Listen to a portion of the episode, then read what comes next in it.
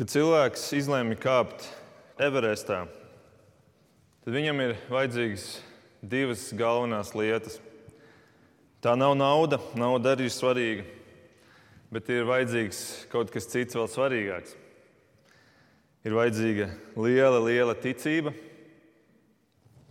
un ir vajadzīgs kāds, kurš iet tev pa priekšu pa to maršrutu, pa kuru tu kāpsi, un kurš sagatavos tavu ceļu. Un tā, nu, kāpjot Everestā, ir kādi vīri, kuri pirms šiem alpīnistiem uzkāpja pirmie un sagatavo stiprinājumus, savienojumus, virves, saliek kāpnes tur, kur ir kādas dziļas aizas. Viņi sagatavo šo ceļu, un šos vīrus sauc par šerpām. šerpām. Ja mēs padomājam par tādu mūsu garīgo dzīves kalnu, tad arī mūsu garīgajā kalnā kāpšanā, mūsu garīgajā alpīnismā mēs zinām par kādu šērpu, kurš bija pirmais, kurš gāja to ticības ceļu, kuru, uz kuru mēs varam atskatīties vēsturē un Bībelē. Un tas ir ebreju centāvs Ābrahāms. Viņš pirmais gāja to ticības ceļu, pa kuru mēs šodien staigājam, kurā mēs šodien atrodamies arī šajā rītā, kāpjot savā dzīves kalnā, tur augšā uz tēva mājām. Un šodien es vēlos apstāties pie šī šērpas Abrahāma, jo šodienas svētdienas sērijā, kuru mēs turpinām, kā jūs zināt, Pāvila vēstule romiešiem, Šodien šis autors Pāvils izved uz skatuves šo seno šerpu Ābrahāmu. Pāvils šo vēstuli romiešiem raksta Romas jūdiem, lai izskaidrotu evaņģēlīju, evaņģēlīju būtību. Un kā jūs atceraties, pirmās trīs nodaļas ir diezgan smagas, jo tur Pāvils parāda, cik dziļi cilvēks ir grimis grēka purvā. Un viņš arī parāda, cik muļķīgi cilvēks cenšas ar saviem spēkiem no tā tikt ārā. Cik muļķīgi ir, ka cilvēks naivi cer, ka ar saviem spēkiem, ar saviem darbiem viņš spēs tikt ārā no šīs bedres, no šī purva. Un tad Pāvils 3. nodaļas 21. pantā pēkšņi iedod mums tādu milzīgu antitēzi. Viņš saka, bet tagad, tagad ir sācies jauns laikmets. Tagad ir sācies ticības laikmets, ir sācies ticības ceļš. Un jūs atceraties, pirms divām nedēļām mācītais dzirds par to šeit sludināja. Un tā ir tāda, varētu teikt, tāda kulminācija šajā vēstules posmā, jo no šīs vecās derības darbu, mācības pēkšņi Pāvils pagriežās pret kaut ko pavisam jaunu un saka, ka ir sācies jauns laikmets. Un tiem jūdiem, kuri lasa šo, viņiem ir ļoti grūti dzirdēt, jo visa viņu dzīve, visu viņus, viņu mācība, visas paudzes pirms viņiem ir būvētas tieši šīs domas, ka mums ir ar darbiem jāizpatīk Dievam. Mums ar darbiem ir jābūvē tas ceļš tur augšā pie Dieva uz debesīm. Tie mūsu darbi būs tie, kuri mūs vai nu aizvedīs tur pie Viņa, vai arī neaizvedīs. Bet Pāvils pēkšņi saka, tie darbi nav būtiskie. Būtiskā ir ticība. ticība. Un tā nu šodien, šajā raksturvietā, ko mēs tuņi atvērsim no Romiešu vēstules 4. nodaļas, Pāvils tagad izskaidros, kādēļ ticība. Kādēļ tāda lieta kā ticība, kas bija tik sveša antīkajai pasaulē, tik sveša jūdu vecās derības mācībai, un es gribu teikt, arī tik ļoti bieži pārprast arī šodien. Kādēļ ticība? Ko dara šī jaunā ticība, un vai tā tiešām ir tik jauna? Un, kā jau minēju, skatuves šodien tiek izsaukts jūdu senākais varonis. Ja tu gribēji jūdam dot pārliecinošu argumentu, tev vajadzēja saukt uz skatuves kādus no viņu centāviem - Mūzus, Dāvids bet viscenākais, pirmais jūds ir Ābrahāms. Un tā nu Pāvils aicina šodien uz skatu uz Ābrahāmu un rādīs ar Ābrahāmu piemēru, kādēļ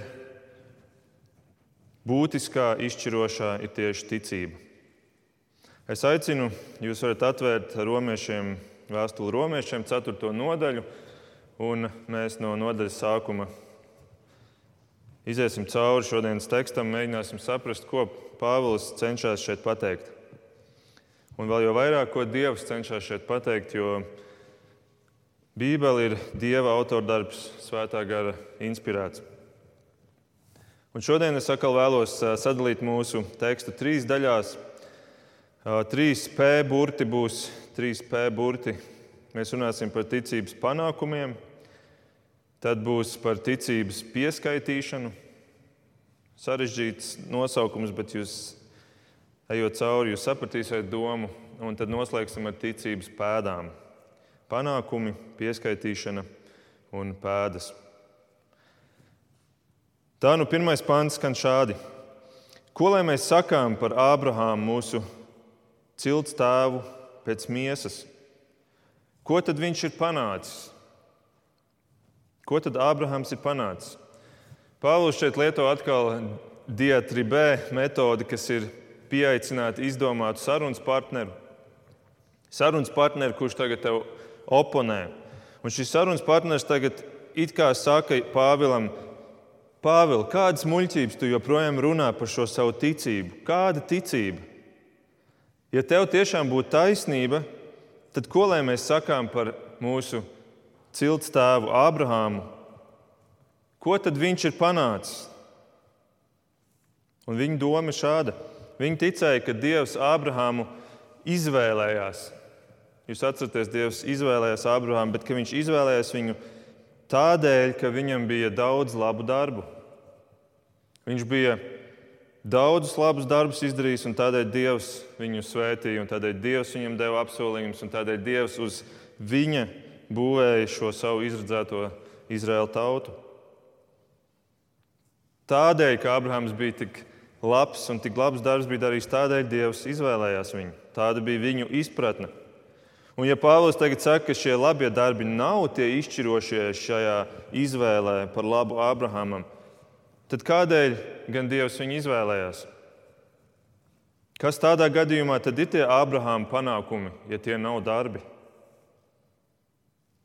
Kas ir tie Abrahama panākumi, ka viņš ir nopelnījis tādu godu no Dieva, tikt izredzētam, kā dieva tautas centēvam. Un Pāvils 2. pantā atbild. Viņš saka, ja Ābrahāms ir attaisnots ar saviem darbiem, tad viņš var lepoties. Tādā gadījumā viss ir forši. Ja Ābrahāms ir attaisnots ar saviem darbiem, kā jūs domājat, jūdi, tad viņš var lepoties. Bet Pāvils saka, bet tikai ne Dieva priekšā. Redziet, šī ir tik dziļa, fundamentāla doma, kura mums katram ir jāsaprot par to, kā vispār Bībele ir, ir būvēta, kā Dieva doma tiek atklāta. Ka visi tie darbi, viss tas āršķirīgais, es gribētu teikt, šodien, kad mēs domājam par kristīgo baznīcu, tādu, tādu vispasaules, tad visas tās skaistās ēkas, visi tie skaistie mācītāju tērpi, visas tās apgliz, apzeltītās gleznas. Visas tās lietas ir tādas, ar kurām tu drīksti lepoties, bet tikai ne Dieva priekšā. Tu ar viņām var lepoties cilvēku priekšā, tu vari parādīt, cik tu esi svētīts, varbūt, jo redz, tev ir tik, tik labi klājies, un, un tev ir tik skaista baznīca, un tev, tev ir tik sena vēsture, un tev ir svēto mantojums. Bet Pāvils saka, to, to var lepoties. Bet tu to, dari, tu to vari darīt cilvēku priekšā. Dievam tas neinteresē. Dievu priekšā ar to tu nevari lepoties. Dievu interesē kaut kas pavisam cits. Un Pāvils paskaidro, kas trešajā pantā. Viņš saka, ko saka raksti? Ābrahāms uzticējās Dievam, un tas viņam tika pieskaitīts par taisnību. Ābrahams uzticējās Dievam. Dieva priekšā panākums skaitās uzticēšanās viņam. Un kā jau jūs dzirdat, vārdā uzticēšanās ir tā pati sakne, kas ir vārdā ticība. Uzticēšanās. Tā ir tā īstā ticība, un tas ir tas, kas Dievam interesē. Nevis tas āršķirīgais, ko tu dari, bet tā iekšējā ticība, ar kuru tu to dari. Paskatāmies vēlreiz uz Ābrahāmu. Tad viņš šeit ir uz skatuves. Viņš ir ļoti augstā godā turēts jūdu priekšā tieši savu darbu dēļ. Bet kāds tad bija Ābrahāms? Jūdi domāja, ka Dievs viņu izredzēja tādēļ, ka viņš bija labs, tādēļ, ka viņš bija īpašāks par citiem. Bet Bībele to nekur nesaka. Bībele nesaka, ka Dievs apstaigāja vairākus vīrus, vairākus cilvēkus, vairākas tautas, vairākas valstis, un tad pārbaudīja, vai viņi ir gatavi tikt izredzētiem, vai viņi ir pietiekami daudz laba darījuši, lai tiktu izredzēti. It kā tas būtu kaut kāds tāds konkurss, kur tagad vairākās kārtās tiek aicināti kandidāti, un tad Dievs izredz to, to labāko. Nē, Abrahams nav izturējis kaut kādu atlases konkursu. Viņš arī nebija nekādā veidā īpašāks par saviem laika biedriem. Savā ģimenē viņš bija jaunākais dēls. Viņš bija vienkārši beduīnu saimnieks. Un patiesībā mēs pat neko daudz nezinām par viņu, par viņa pirmajiem 70 gadiem. 70 gadiem. Viņam nebija nekādu nopelnu Dievu priekšā, un tāpēc Dieva izvēle viņu izredzēt bija simtprocentīgi tīra žēlastības izvēle. Jau Ābrahamā mēs redzam, ka Dievs izredz viņu tīri un tikai no žēlastības. Ābrahams visu saņēma kā nepelnītu dāvanu, nevis nopelnīja, bet saņēma jau dāvanā. Tieši tādēļ Pāvils izsauc Ābrahāmu uz skatuves. Pāvils saka, redziet, jūdi, jūsu pirmais tēvs jau pirmais jūds, pirmais jūds. Visu jau saņēma bez nopelna, bez darbiem, žēlastībā un ticībā. Šodien jūs man jūdi, jūs man pārmetat, ka es mācu kaut kādu jaunu mācību, bet paskatieties, pirmais jūds, kur jūs saucat par savu tēvu, tieši šādā veidā ir saņēmis attaisnošanu no Dieva. Un tad Pāvils turpina 4. pantā. Viņš saka, kas dara darbu, tam alga netiek aprēķināta pēc žēlastības, bet gan pēc tā, kas pienāks. Loģiski. Tā mēs katrs strādājam šodien mūsu laicīgo darbu. 5. pantā, turpretī tam, kas nedara, kas nedara, bet kas tic Dievam, kas bezdievīgo attaisno, viņa ticība tiek pieskaitīta par taisnību.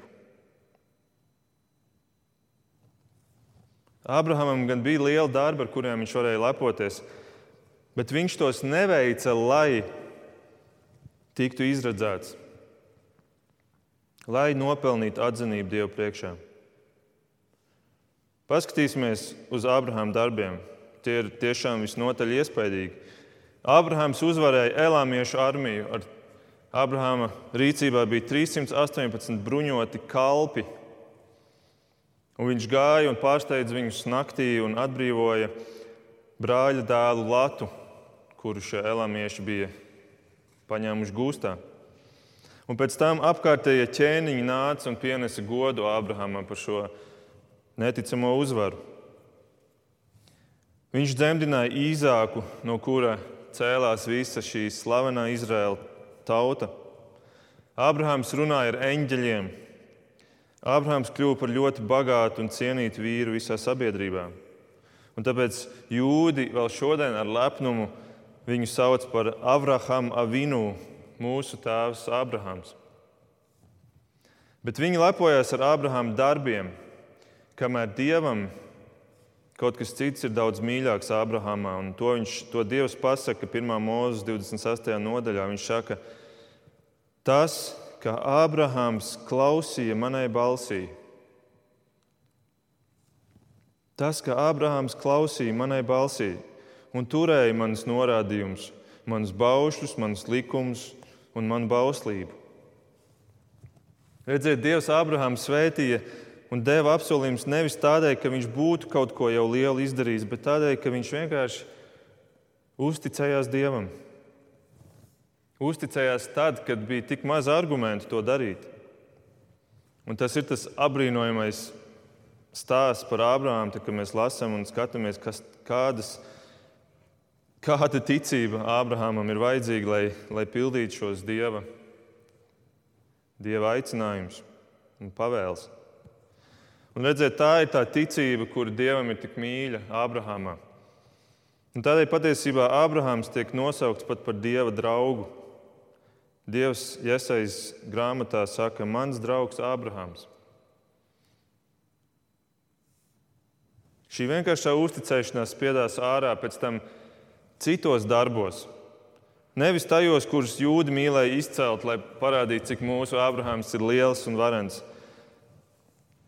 Bet šī ticība, šī iekšējā uzticēšanās spiedās ārā citos darbos, kas tiešām bija apbrīnojami Ābrahamā. Paklausieties, kad Dievs viņu aicina doties uz pavisam svešu zemi, atdot savu drošo, savu stabilo dzīvi, lai dotos uz kaut kādu nezināmu vietu, uz nezināmu zemi. Ko Abrahams dara? Tajā pantā, kur Dievs pasaka, ej un dodies, tur liekas pa vidu, tur vajadzētu ielikt mēnešiem garu, garu vai nu pauzi, vai, vai aprakstus, kā, Pāvils, kā, kā Abrahams izvērtēja šo visu. Un, kā viņš varbūt dievam deva pretargumentus un, un, un uzdeva vēl 25 jautājumus, lai saprastu, kas tas īsti ir, uz kuriem viņa aicina. Bet tur nekā tāda nav. Nākamais teikums ir, ka Ābrahāms cēlās un gāja. Vienkārši ceļas un dodas. Un mēs lasījām jau ievadā, Andris lasīja no ebrejiem 11.8. Tur ir teikts, ticībā Ābrahāms paklausīja Dieva aicinājumam un devās uz vietu, kas viņam bija jāiemanto. Viņš gāja pat nezinādams, kurp dodas. Tā lūk ir ticība. Tā lūk ir ticība. Tā lūk ir tas, ko Dievs meklē tevi un manī. Vēl Dievs Abrahamam apsolīja pēcnācējus, kā zvaigznes debesīs un kā smiltis jūrā, un tik vareni, tik daudz, neskaitām daudz. Tikai problēma bija, ka Abrahamam jau tajā brīdī bija 99 gadi. Un it kā ar to vēl nepietika. Liekas, Dievam patīk šādi paradoksi, šādi, šādi ironiski, šādas ironiskas situācijas, bet papildus tam Abrahams sieva bija neauglīga. Bet viņi abi uzticējās Dievam, kurš bija devis šo solījumu. Dieva vārds bija atskanējis un devis šo solījumu. Un, Un, un kaut arī tā varbūtība bija tik smieklīgi maza, un kaut arī noteikti daudzi smējās par viņiem, ka viņi tic tiešām šādai realitātei. Par spīti tam viņi uzticējās Dievam un viņi sagaidīja dēlu īzāku. Un ievadā lasītais pāns no ebrejiem 11 tik skaisti skan. Tā no viena cilvēka gandrīz jau miruša. Tik bezcerīga bija šī situācija. Tā no viena cilvēka gandrīz jau miruša. Ir dzimuši tik daudzi kā debesu zvaigznes un tik neskaitāmi kā smiltis jūras malā. Tā ir ticība. Un kad Ābrahams bija saņēmis šo savu apsolīto dēlu bija piepildījusies šī neticamā laime. Šī neticamā, bezcerīgā situācija tomēr bija izvērtusies skaistā rezultātā. Tad Dievs Ābrahamam saka, kāp kalnā, ņem līdzi savu dēlu īzāku un upurē viņu. Ja tas jau liekas neticami, tad tad vēl neticamāk visā šajā, šajā paradoxālajā ainā ir Ābrahāma reakcija. Jo ko Ābrahāms dara? Atkal mums nav tur garas diskusijas, viņš nerunādams pretī, viņš dodas ceļā kopā ar Īzāku. Kas par ticību? Mūsdienās cilvēki teikt, nu, tā ir lēticība, nu, tā, tas ir naivums. Bet Ābrahamam ir vienalga, ko, ko saka. Viņš zina, ka to ir teicis Dievs. Viņš uzticās savam Dievam. Viņš dodas ceļā, viņš uzkāpja kalnā, sasēja savu dēlu, viņš uzliek viņu uz akmeņiem, uzcelt altāri. Viņš izvelk savu nazi, viņš paceļ gaisā šo nazi. Un tad pēdējā brīdī Dievs viņu aptur un tā vietā atsūta aunu, kuru nokaut īzāka vietā, kas kļuva par simbolu Jēzus Kristus nāvē, kur arī nāk īstajā laikā grēciniekam palīdzīgā. Pirms grēcinieks paspēja nomirt savu grēku dēļ, tiek atsūtīts vietniecisks upuris, Dieva dēls. Un šī vieta, kur tas viss notiek, ir Morijas kalns, kas šodien ir pasaules centrs, Jeruzalemes tempļa kalns. Uz šī kalna tika uzcelts templis. Un šajā kalnā, šajā Jeruzalemē, tur tik tiešām vēlāk Jēzus tiek nokauts kā upuris par cilvēku grēkiem. Bet kā Ābrahāms spēja to izturēt? Kā tas ir iespējams? Kā Ābrahāms varēja šo savu dēlu ņemt sev līdzi un, un iet tik tālu? Ziniet, kā? Paklausieties vēlreiz no ebrejiem 11. Tur teikts tā. Ābrahāms sprieda, ka Dievs spēja uzcelt arī no mirušiem. Un tā līdzībā runājot, saņēma īzāku atpakaļ no nāves. Kas par ticību? Kas par ticību? Šis mīļais Ābrahams tik tiešām dziļi sirdī uzticējās, ka, ja Dievs prasa man nokaut manu dēlu, tad gan jau viņam ir kāds risinājums. Jo caur šo dēlu ir jānāk tai manai, maniem pēcnācējiem, kā zvaigznēm debesīs un kā smiltīm jūrā. Tātad Dievam ir jābūt kādam risinājumam. Gan jau viņš kaut ko izdomās.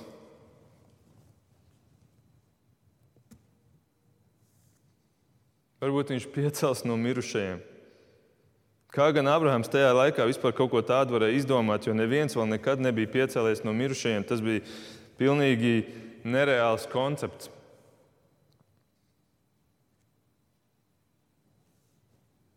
Tāda bija šī ticība un šie darbi, kas bija izauguši no ticības, kas bija paļāvība Dievam. Pat tad, kad tas liekas tik nereāli, tik cilvēciski neiespējami ka varētu varbūt Dievs piecelt tik tiešām viņu no mirušajiem.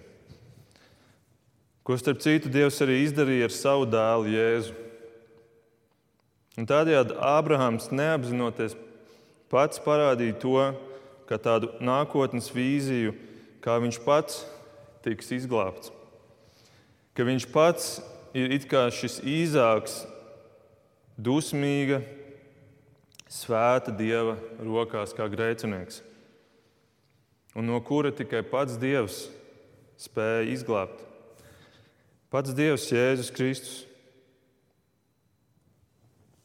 Un šī ticība ir tā, kuras dēļ Ābrahāms tiek glābts, Ābrahāms tiek taisnots.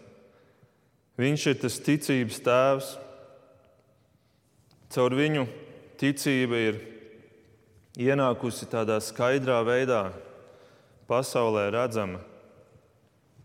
Mēs varam teikt, ka caur viņu ir dzimusi jauna rase, ne tikai fiziskā ebreju, jūdu, ar ko viņi tik ļoti lepojās, bet garīga rase, ticīgo rase. Tādi lūk ir ticības panākumi.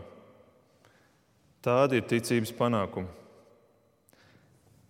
Bet vēl kāds aspekts, otrais punkts - pieskaitīšana. lai uzpost, uzspiest dubult zīmogu šai domai par šo ticību, kura ir ārpus darbiem. Pāvils pasauc uz skatu vēl vienu varoni, un tas ir ķēniņš Dāvids. Tā nu no 6. panta viņš citē Dāvidu. Viņš saka, arī Dāvids par laimīgu, par svētīgu sauc tādu cilvēku, kam Dievs taisnību pieskaita, neatkarīgi no darbiem. Laimīgi, jeb svētīgi ir tie, kam pārkāpumi piedot un grēki ir apklāti. Laimīgs, jeb svētīgs ir tas vīrs, kam kungs nepieskaita viņa grēkus. Vai šī svētība ir domāta vien apgaizītajiem, vai neapgaizītajiem arī? Jo ir sacīts, Ābrahamam ticība tika pieskaitīta par taisnību. Un kad ticība viņam tika pieskaitīta, Pāvils jautā, kad viņš bija apgaizīts vai kad vēl nebija apgaizīts? Atbilde - jau tad, kad viņš vēl nebija apgaizīts, nevis tad, kad jau bija. Tātad Pāvils šeit izsauc Dāvidu, kurš vēlreiz apstiprina to, ka svētīgs ir tas cilvēks, kuram tiek piedoti grēki, Piedošana nenotiek caur taviem darbiem. Piedošana notiek, ka kāds, kuram ir vara pār tevi, vara piedot, viņš to izdara. Un tad Pāvils šeit atklāja, kāda ir chronoloģija šai, šai ticībai un šai taisnošanai. Tātad tā taisnošana ir attaisnošana, piedošana, ka tavi grēki tiek nolikti malā un tu tiec pasludināts par attaisnotu. Kāda ir chronoloģija? Mums varbūt šķiet šis jautājums, kur es tagad uzdodu par šo chronoloģiju, tas ir tāds nu, teorētisks jautājums. To varētu teologi mācīties. Nu, mums, uz mums tas neatiecās. Bet es gribu jums parādīt, ka tas patiesībā ir ļoti dziļi praktisks jautājums. Vispār jau visā šajā tekstā tā secība ir tā, kura, kurai Pāvils uzliek to lielo uzsvaru. Tātad kā notiek, vai cilvēks pirms tic, un tad viņš tiek attaisnots, vai viņš tiek vispirms attaisnots, un, un tad tic, vai viņam darbi ir tie, kas ir būtiskie, un tad viņš tiek attaisnots. Šis jautājums nav tikai teorētisks, bet tas ir ļoti praktisks, jo cilvēku šī jautājuma patiesībā būvē savu ticību Dievam. Pirms mans ceļš atveda šeit uz Vīlandi, es desmit gadus dzīvoju nevis dzīvoju, bet, bet uh, apmeklēju um, Lutāņu draugu. Un, uh, sākot nopietnāk studēt pašam Bībeli ar kādiem notikumiem manā dzīvē, es sāku atdurties pret kādām mācībām Bībelē, kuras man likās ļoti grūti savienojams ar, ar to, ko, ko māca Lutheriskā mācība un uz kā arī ir balstīta šī mācība, kurā, kurā es tajā laikā arī biju piederīgs. Un tā nu es pusotru gadu tikos ar četriem draugu cilvēkiem, kur bija saistīti ar, ar teoloģiju, un es, es runāju ar viņiem, diskutēju par šo. Un tad viens no tādiem pēdējiem pilieniem bija kāda grāmatiņa, kuru man iedeva kāds no šiem cilvēkiem. Šī grāmatiņa bija tāds vienkāršā valodā, it kā tāds skaidrojums, kā darbojas kristība. Un es nekad neaizmirsīšu to pirmo teikumu, kad es atvēru viņu, ko es izlasīju. Tur bija rakstīts, ar kristību sākas ceļš uz glābšanu, jo ar kristību cilvēks saņem ticību.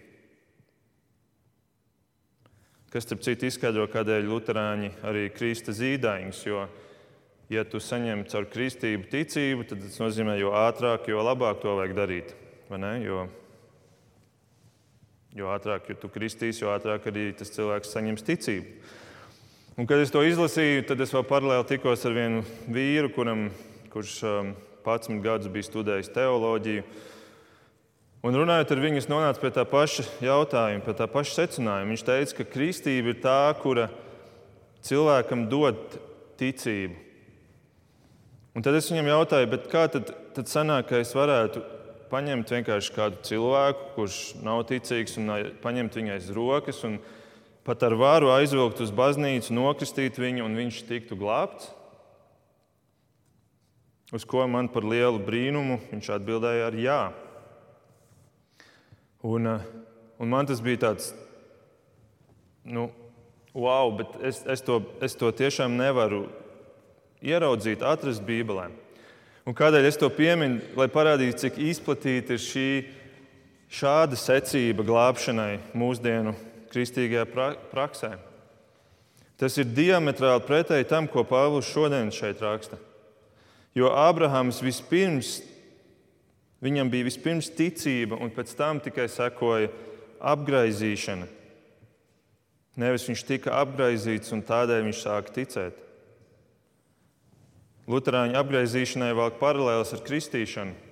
Apgaizīti tika zīdaiņi astoņu dienu vecumā, un kristīti arī tiek zīdaiņi. Tātad vispirms kristīties, lai tā tu saņemtu šo ticību. Un redziet, es ar to gribu jums parādīt, cik šis jautājums nav tikai tāds teorētisks. Viņš ir ļoti, ļoti praktisks. Latvijā ir daudz vairāk luterāņu un katoļu, kuri praktizē šo, nekā, piemēram, baptistu. Tik ļoti aktuāls ir šis jautājums, un jūdiem tā bija līdzīga problēma. Viņuprāt, Ābrahāms tika taisnots tādēļ, ka viņš ļāva sev apgraizīt. Tas bija tas izšķirošais, šī ārējā zīme, kura viņam pēc tam deva taisnošanu. Caur šo ārējo zīmi viņš kļuva par īsto jūdu. Bet Pāvils saka, nē. Patiesībā 29 gadus pirms Ābrahāms tiek apgaizīts, par viņu teikts, ka viņš ir taisnots ticībā. Viņa taisnošana, viņa pasludināšana par taisnu notiek 1. mūzes 15. nodaļā, un apgaizīšana seko tikai divas, divas nodaļas vēlāk. Un tādēļ arī mēs, kā baptisti, kristām cilvēkus pēc tam, kad viņi ir apliecinājuši šo ticību, kuru mēs uzskatām par pietiekamu, lai cilvēks tiktu taisnots, par izšķirošu, lai cilvēks tiktu taisnots. Un tādēļ mēs to saucam par ticīgo kristību. Jo mēs ticam, ka tāpat kā Ābrahāma gadījumā, arī šodien ticīgie šo ārējo zīmi saņem pēc tam, kad viņi ir taisnoti iekšēji ticībā. Tad vēlreiz Pāvila desmitais pants. Kad ticība viņam tika pieskaitīta? Kad viņš bija apgaizīts, mēs varētu teikt, kristīts, vai kad vēl nebija? Jau tad, kad viņš vēl nebija apgaizīts, nevis tad, kad bija. Un šis ir tas lielais Pāvila arguments, ka Dievs skatās uz mūsu sirdi, Dievs skatās uz mūsu uzticēšanos Viņam. Un mums tāpēc ir jāuzmanās, ka mēs nenovēršam šo, šo uzmanību, šo uzmanību uz to vienkāršību, uz to ticību, ar kādām āršķirīgām lietām, ar kādiem āršķirīgiem fokusiem. Cik daudzos veidos cilvēki var tikt aizvilkt prom no tā tiešā kontakta ar Jēzu. Caur to, ka baznīcas mācībā tiek ievilkt visādi ārēji rituāli un tradīcijas un dažādas prakses. Augustīns ir labi teicis, viņš teica, ir maz to, kuri caur ticību pieskārās Kristum bet ir pūļi, kuri drūzmējas ap viņu. Caur ticību, caur ticību mēs aizsniedzam Dievu, un caur to Dievs piešķir mums taisnošanu. Un tādā veidā mēs Bībelē šeit lasām, ka mūsu ticību Viņš pieskaita par taisnību. Mēs paši to neizdarām, to Dievs dara. Tā nav tāda aktīva glābšana, Tā kā es minēju iepriekš, ka mēs mēģinām paši tikt ārā no šīs, no šīs bedres, no šī purva, bet tā ir pasīva glābšana. Mēs ļaujamies tikt glābtiem. Jo Dievs pats piešķir šo taisni, taisnošanu, kad nožēlojam savus grēkus, kad nožēlojam arī to, ka mēs paši cenšamies glābt sevi. Un ka mēs ticībā pieņemam to, kurš ir samaksājis par grēkiem kas ir Jēzus Kristus. Un Kristus nāve bija efektīva. Viņa bija tik efektīva, ka viņa ietekmēja cilvēkus tajā dienā, bet tāpat arī nākotnē mūs un arī atpakaļ gaitā ticīgiem pagātnē, vecajā derībā, ieskaitot mūsu šerpu Abrahāmu. Tā Dievs bez paša nopelna mūsu ticību pieskaita par taisnību. Viņš pieskaita mūsu ticību par taisnību. Un tā ir žēlastība, un tā ir tā lielā mīlestība, kur Dievs izrāda cilvēkiem. Tā nu pirmais punkts bija ticības panākumi, otrais ir ticības pieskaitīšana par taisnību, un trešais ir pēdas, ticības pēdas. Izlasīsim pēdējos divus pantus, 11. un 12. Un apgaizīšanas zīmi viņš saņēma kā apstiprinājumu zīmogu ticības taisnībai, kas viņam jau bija pirms apgaizīšanas, lai viņš kļūtu par tēvu visiem, kas tic, būdami neapgaizīti. Un lai taisnība tiktu pieskaitīta arī viņiem, un lai viņš kļūtu par tēvu arī tiem apgaizītajiem, kas ne tikai ir apgaizīti, bet arī staigā tās ticības pēdās, kas mūsu tēvam Ābrahamam bija pirms apgaizīšanas. Viss šī doma par Abrahama ticību, kur sākās pirms visiem baušļiem, pirms visiem likumiem, pirms mūzes likumiem, pirms tradīcijām, pirms rituāliem, Šī visa doma atklāja, ka vecā derība un jaunā derība ir viena daļa. Tā atklāja vecās un jaunās derības kontinuitāti. Mēs varam teikt, ticības kontinuitāti, jo patiesībā tā nav kaut kāda jauna reliģija. Tā ir viscenākā mācība. Sākumā bija tīra Ābrahāma ticība, un pēc tam vecajā derībā tika uz tās uzceltas visas visi likumi un visa, visa tā vecā derība. Un tad, kad atnāk Jēzus, viņš piepilda visu šos vecās derības likumu, un tas viss tiek nojaukts atkal nost. Un te mēs esam atpakaļ pie tās pašas senās Ābrahāma ticības.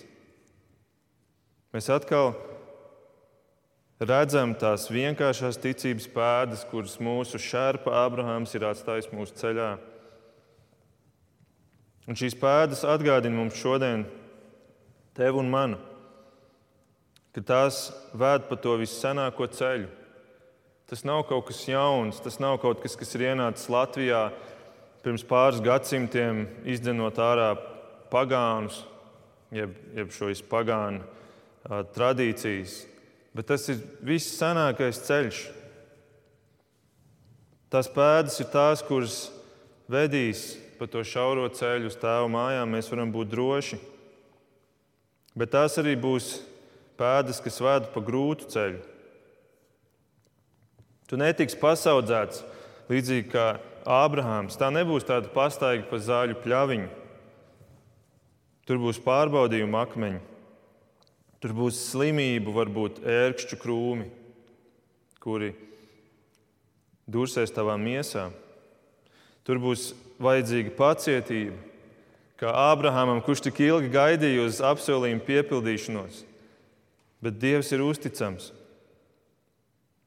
Tur būs uz šī ceļa būs vientulības brīži, kad citi varbūt novēršās no tevis un arvien vairāk varbūt mūsu pieaugušajā izslēgšanas kultūrā. Bet mēs varam būt droši, ka tur būs drošība,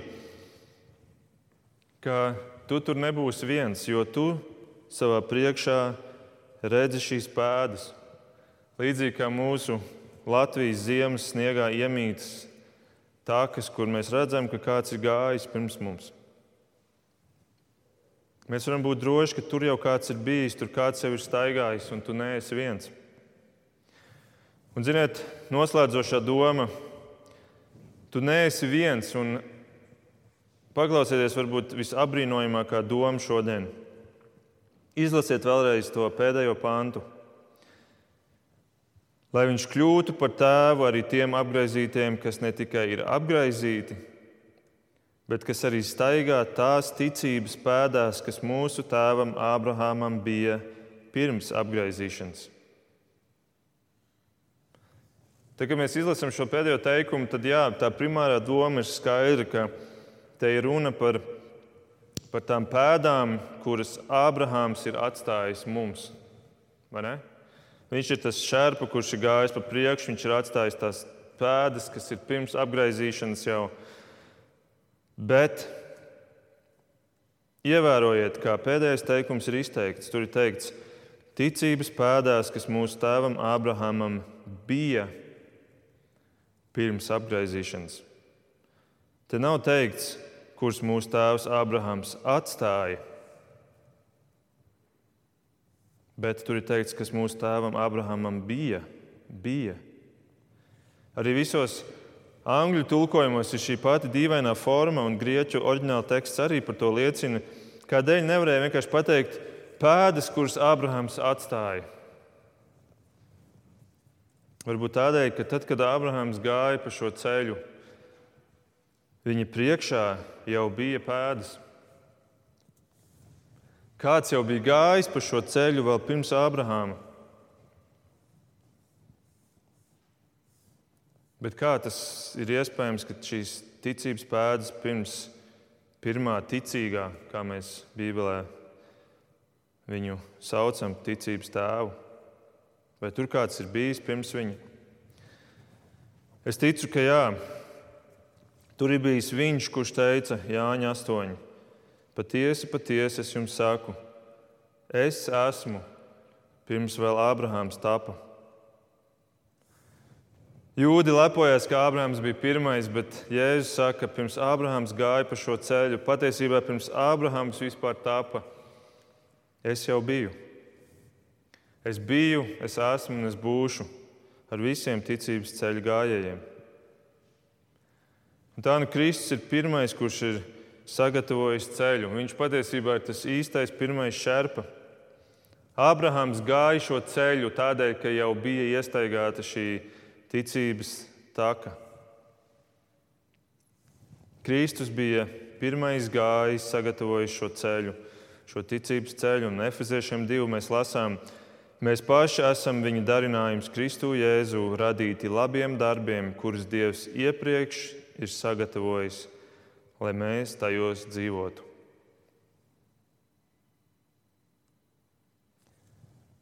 Un tā noslēdzot, kādēļ ticība? Pirmkārt, pirmais punkts bija, jo tās panākumi ir paliekoši. Otrkārt, jo tā tiek pieskaitīta par taisnību, tā ir tā esence, kādēļ Dievs var attaisnot mūs no grēka. Bet trešais punkts, jo tā ved pa Jēzus pēdām. Un tā ir pēdējais jautājums, ko tu ar šo iesāksi? Vai tu vēlies iet pa šo ceļu, vai tomēr tu gribi iet pats meklēt savu dzīves ceļu pa kupanām? Kādēļ tu gribi maldīties? Kādēļ tu negribi atsaukties un iet un sekot Dievam, pat ja cilvēki tevi nesaprot, pat ja tas ir mūsdienu sabiedrībai nesaprotami? Vai tu vēlēsies iet pa šo ceļu? Tad, kad Jēzus bija sagatavojis šo ceļu kā šerpa, pēc ilgāka laika viņš pats arī gāja pa šo ceļu. Un ejot pa šo šauro ceļu, viņš aicināja sev līdzi cilvēkus. Pirmajiem mācekļiem viņš teica: Nāciet un sekojiet man, es jūs darīšu par cilvēku zvejniekiem. Un šie mācekļi cēlās un gāja. Un vēlāk viņš piegāja pie viena muitnieka vārdā Matejs. Viņš teica viņam, seko man. Un viņš piecēlās un atstāja visu, kas viņam bija aiz sevis, un sekoja viņam. Un arī šodien Kristus tev saka, seko man, seko man. Un tu pats zināsi vislabāk, ko šie vārdi nozīmē tev. Kādam tas nozīmē beidzot atsaukties Kristum, pirmo reizi pa īstam atsaukties Kristum un atdot savu dzīvi viņam. Citam tas varbūt nozīmē paklausīt, paklausībā darīt to, ko Kristus man aicina. Un es zinu, ka Viņš man to aicina, un Dieva vārds par to liecina ka Viņš man aicina.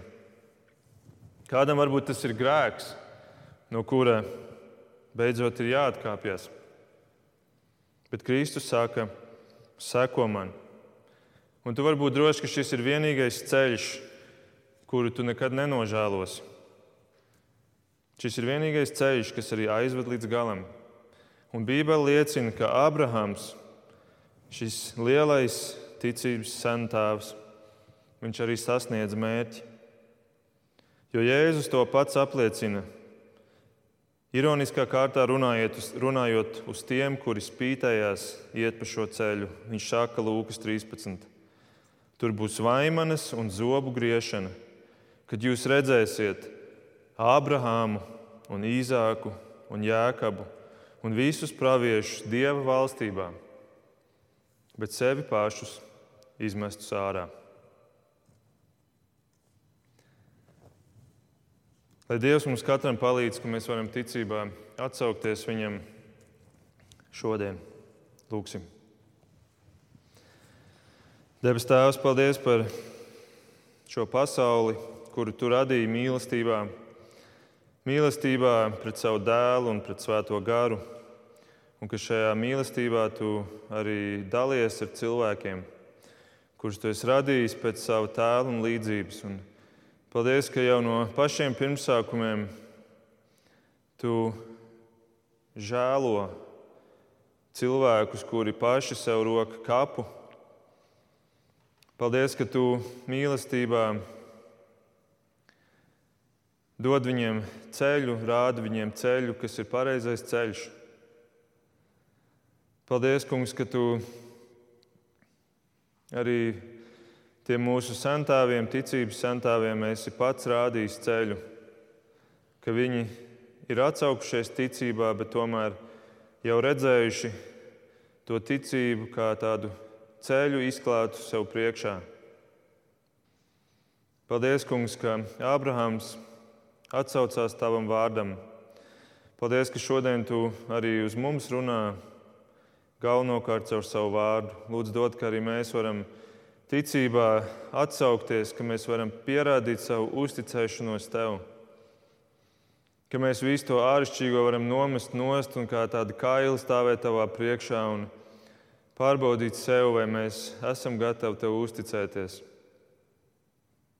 Paldies par šo ticības laikmetu, kuru Jēzus ir atnesis šajā pasaulē. Paldies, ka arī šodien mēs varam dzīvot šajā laikā ka tu visu jau esi izdarījis mūsu labā. Mums atliek vien uzticēties tev un ticībā sekot tev, kungs. Lūdzu, palīdz mums katram. To mēs lūdzam Jēzus vārdā. Āmen!